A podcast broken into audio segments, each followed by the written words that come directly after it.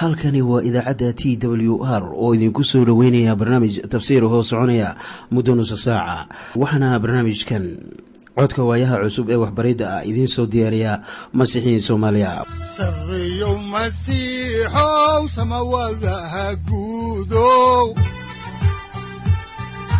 Siraadkii adduunkow subanaha eebow sareyow masiixow samawadaha guudow siraadkii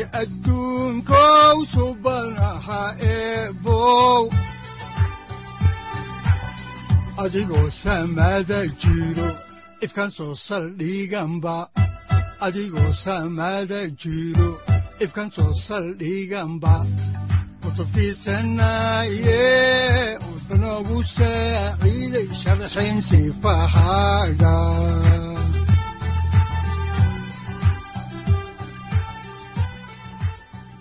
ku soo dhowaada dhegeystayaal barnaamijkeena dhammaantiinba waxaanu horay u sii ambaqaadi doonnaa daraasaadkii la magac baxay baibalka dhammaantii waxaanu caaway horay u sii wadi doonnaa injiilka sida luuka hoosu qoray cutubkiisa saddexaad. Waxaanse ugu horraynta jeclaan lahayn inaan wada dhegaysanno qhasiidadan soo socota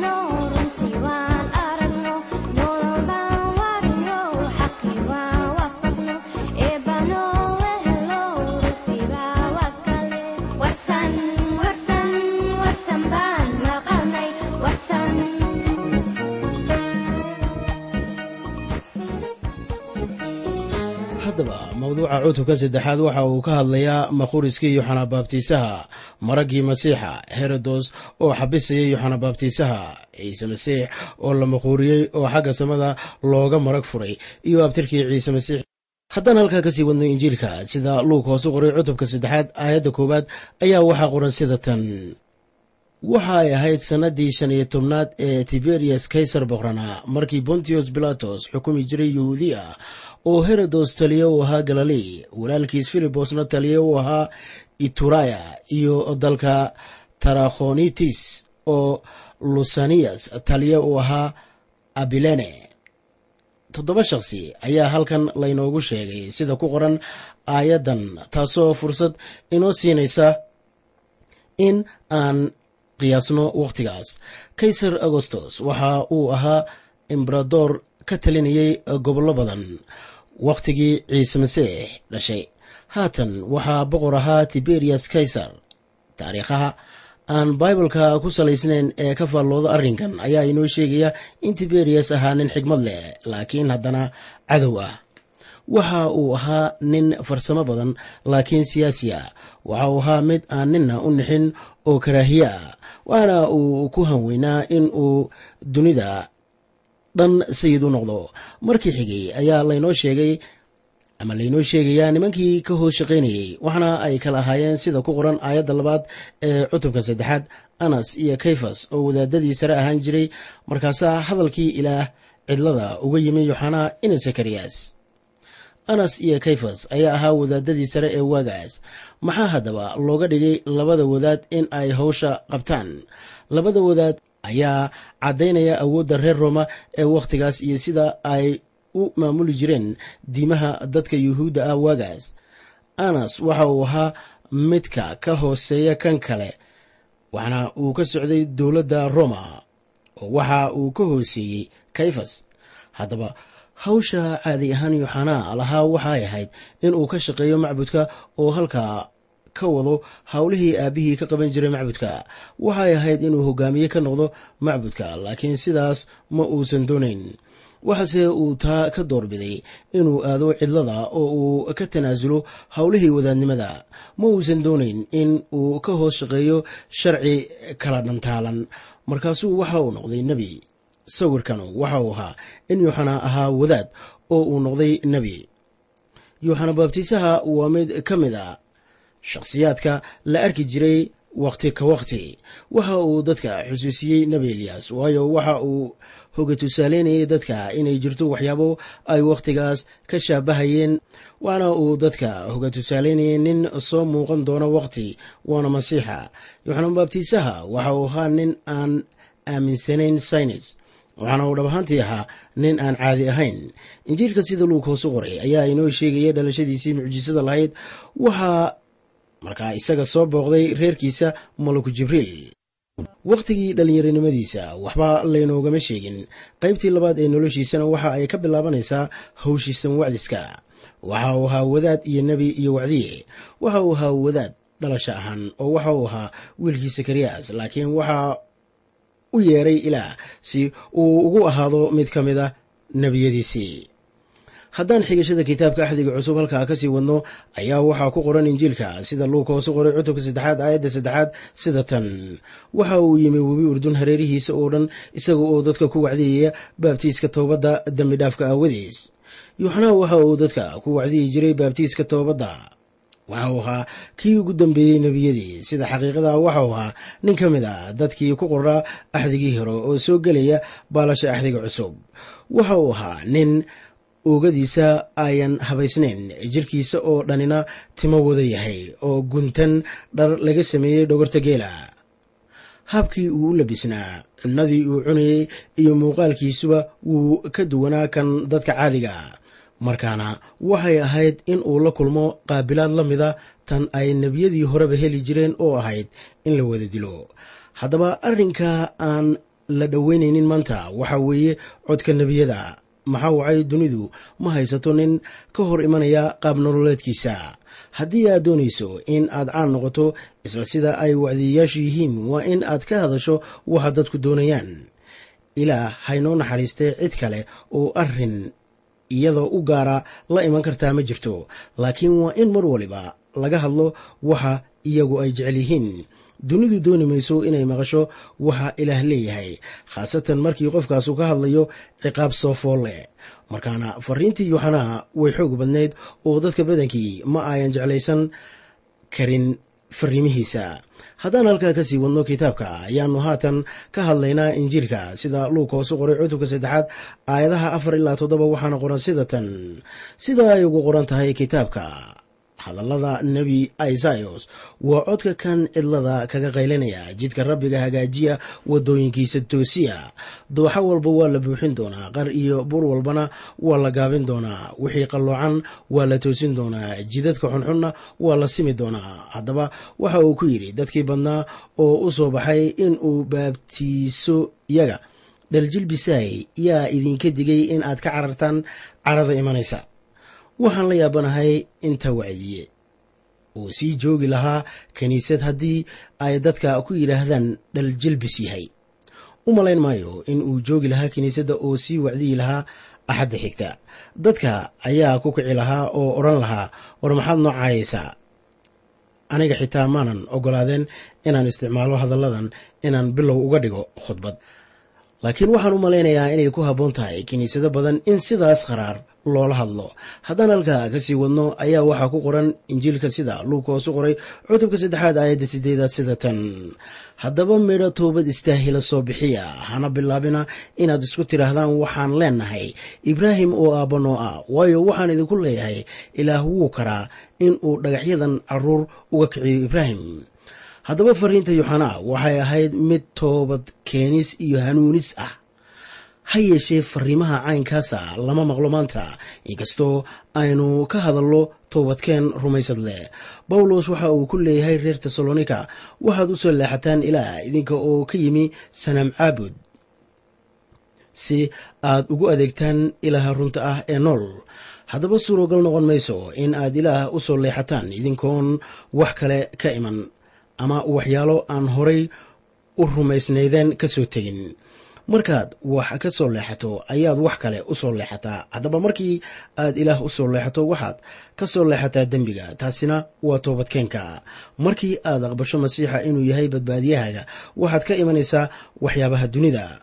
Laga yaabo inaad maqashay wax ku saabsan jacaylka ilaah laakiin uma aadan diirin. Waadse diiday oo ma aadan u diirin marka ay sidaas tahay waxaad u baahanaysaa in aad maqasho codka kan cidlada kale toobadkeena. Haddaba toobadkeenku waa qayb ka mid a in rumaysadku sii jiro balse toobadkeenku maahan fariinta taagan. Ha yeeshee waxaan ku wacdinayaa nimcada ilaah laakiin haddii aad tahay mid helay nimcada ilaah oo aad ilaah u soo leexatay waa in aad ka soo leexataa dembiyadaada haddii aadan ka soo leexan dembiyadaada ayaa waxaa cad in aadan ilaah u soo leexanaynin. Toobadkeenka waxaa ku jira badbaado laakiin maanta fariintii ilaah waxaa weeye rumayso sayid ciise oo waad badbaadi doontaa. Sida ku qoran kitaabka falimaha rasuullada cutubka lix iyo tobanaad aayadda koob iyo soddonaad haddaan horay idiinku sii wadno meeriska injiilka sida luukoosu qoray cutubka saddexaad aayadda sagaalaad ayaa waxaa qoran sida tan. Haddeer weliba faaska waxaa la dhigay geedaha guntooda. Sidaa daraaddeed geed weliba oo aan midho wanaagsan soo bixin waa la gooyaa oo dabka lagu tuuraa. Maalmihii yuxanaa ayaa geedka aan midhaha dhalin loo haystay inuu wax qiimo ahba lahayn. Waa la goyn jiray oo dab baa laga dhigan jiray. Yuuxanaa fariinta uu bixinayo way xoog badan tahay. Yuuxanaa dadka kuma wacdiyi jirin fariinta jacaylka samata bixinta ee ilaah. Loogumana yeerin inuu dadka siiyo ama ku wacdiyo fariintaas. Fariintii uu dadka ku wacdinayay waxay ahayd ciqaabta imanaysa. Markaana waa inaan aqoonsannaa in fariintiisu ahayd mid ka imanaysa ilaa xitaa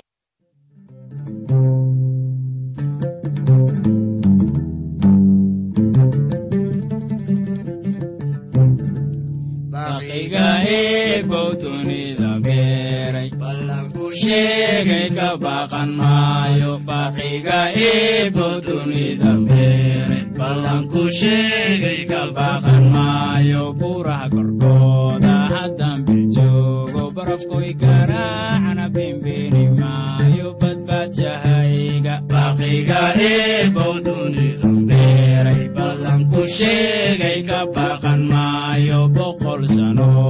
Haddanban joogo beriyo xool iyo bilcana waayana bimbeeni maayo badbaadjahayga baqiga eebow dunidan beeray ballanku sheegay ka baqan maayo. Haddii lay bireeyo bad laygu tuuro burlayla dhacana bimbeeni maayo badbaadjahayga baqiga eebow dunidan beeray ballanku sheegay ka baqan maayo. Haddii aan baado beso aan waayana beenbeeni maayo badbaadjahayga baqiga eebow dunidan beeray ballanku sheegay ka baqan maayo bugtaay haysay beerkay xanuunjin isagaa ibaanto iga bogsiya beenbeeni maayo badbaadjahayga baqiga eebow dunidan beeray ballanku sheegay ka baqan maayo baqiga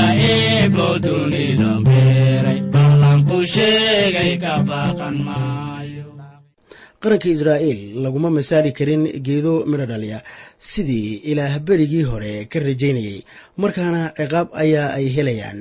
Yoxanaa waxa uu reer binu israa'iil u sheegayey haddii ayan midho dhalinin in la goyn doono oo faasku yaallo geedaha aan midhaha dhalin hoostooda sayid ciise masiixi waxa uu u sheegayaa isla fariintaas kiniisadaha maanta. Haddaan halkaa ka sii wadno kitaabka ayaanu eegaynaa injiilka sida luug hoosu qoray cutubka saddexaad aayadaha toban ilaa koob iyo toban waxaana qoran sida tan.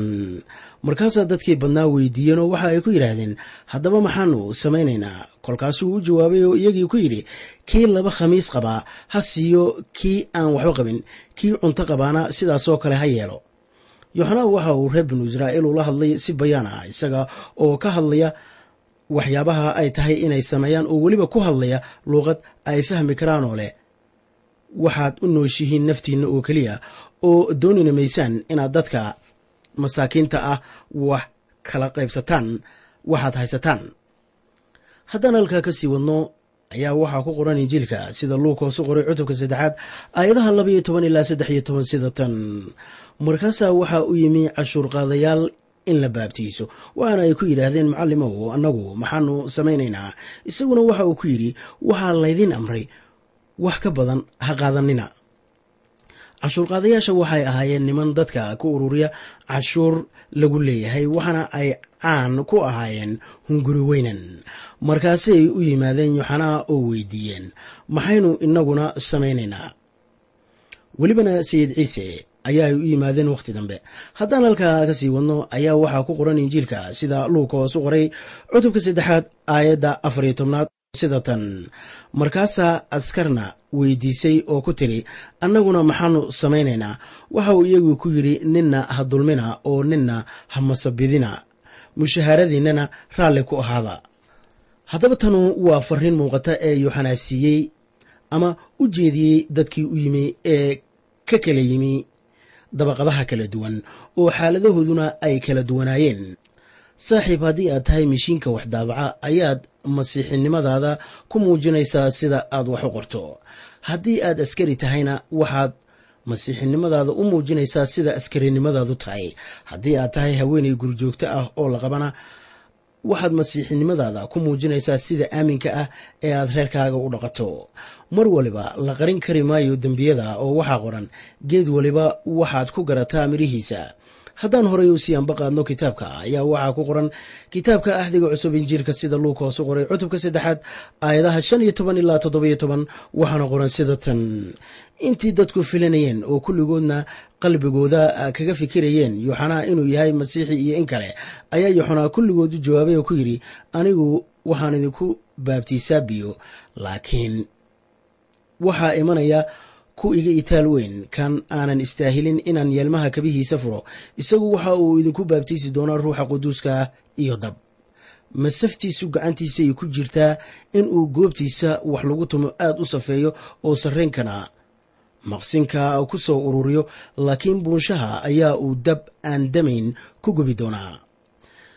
Yoxanaa shaaca ayaa uu ka qaaday in fariintiisu ay noqonaynin tan ugu dambaysa isagu waxa uu dadka u diyaarinayaa kan imanaya. Yooxanaa baabtiisaha waxa uu dadka ku baabtiisaa biyo.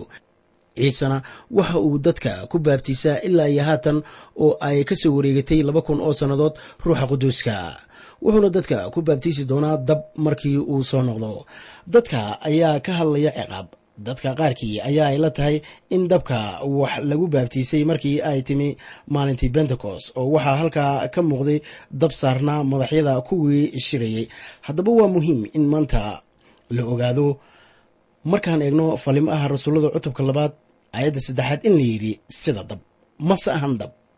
Markaana imaanshaha ruuxa quduuska ayaan ahayn kaamilista makhuuriska dabka ah sida ku qoran falimaha rasuullada. Taasi waxa ay dhacaysaa imaanshaha labaad ee sayidkeenna. Haddaan halkaa ka sii wadno ayaa waxaa ku qoran injiilka sida luukoosu qoray cutubka saddexaad aayadaha sagaal iyo toban ilaa labaatan sida tan. Laakiin kolkuu taliya herodos u canaantay walaalkiis filibos naagtiisii herodiya aawadeed iyo waxyaalaha xunxun ee herodos sameeyey oo dhan. Aawadood ayaa herodos waxaan oo dhan weliba ku daray in uu yuxanaa ku xidho xabsigiisii.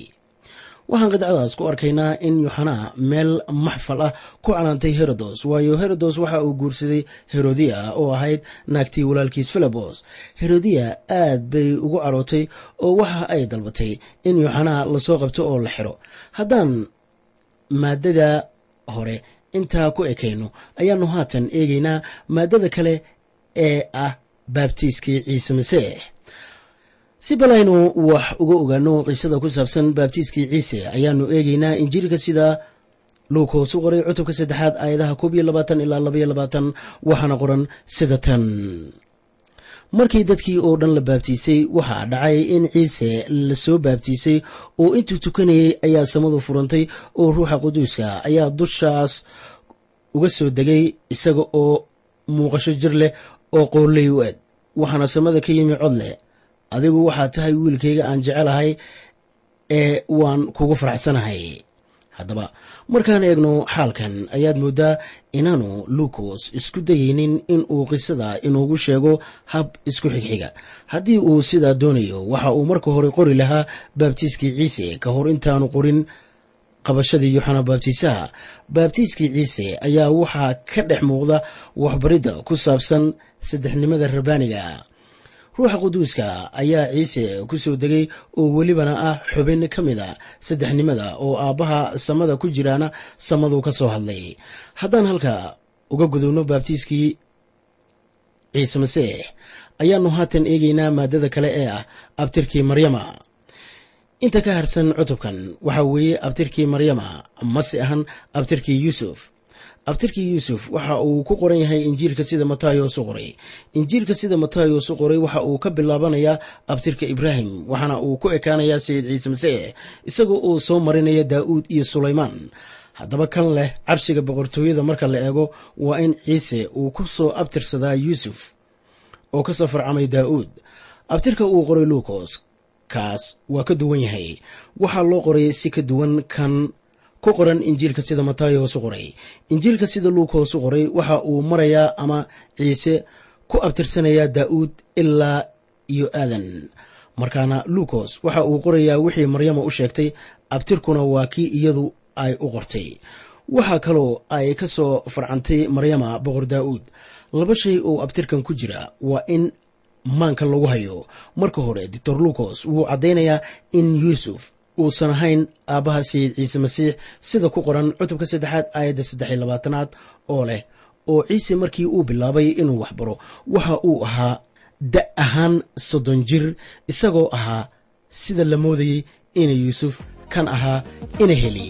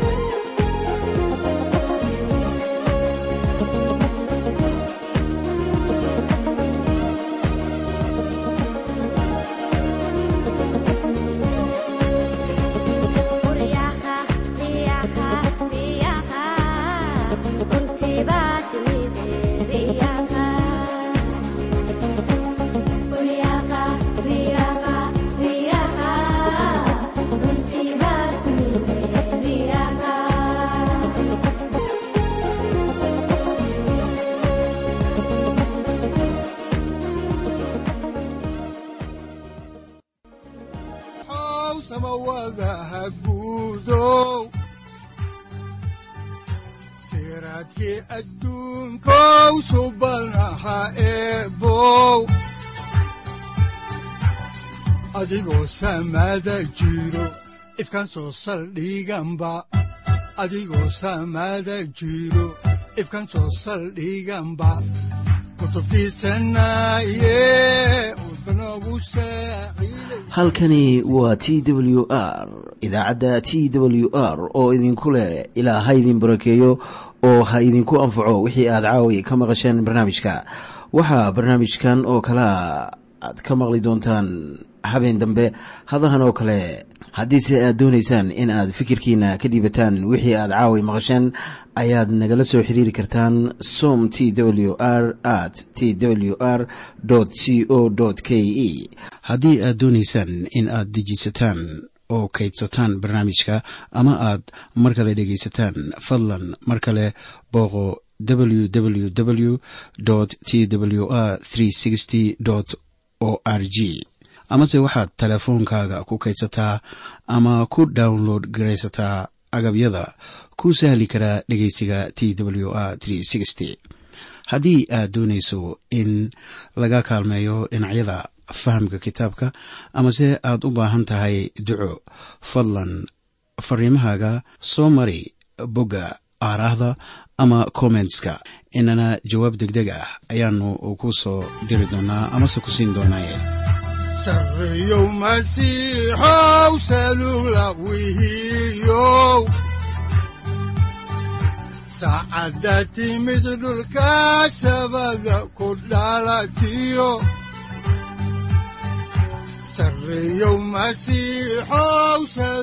halkani waa t w r oo idiin rajaynaya habeen baraare iyo barwaaqaba leh inta aynu ka gaari doono wakhti aynu ku kulanno barnaamij la mida kan caawayay. Aad maqasheen. Waxa aan idinku leeyahay nabadda ciise masiix ha idinku badato xagga jirka iyo ruuxaba. Aamiin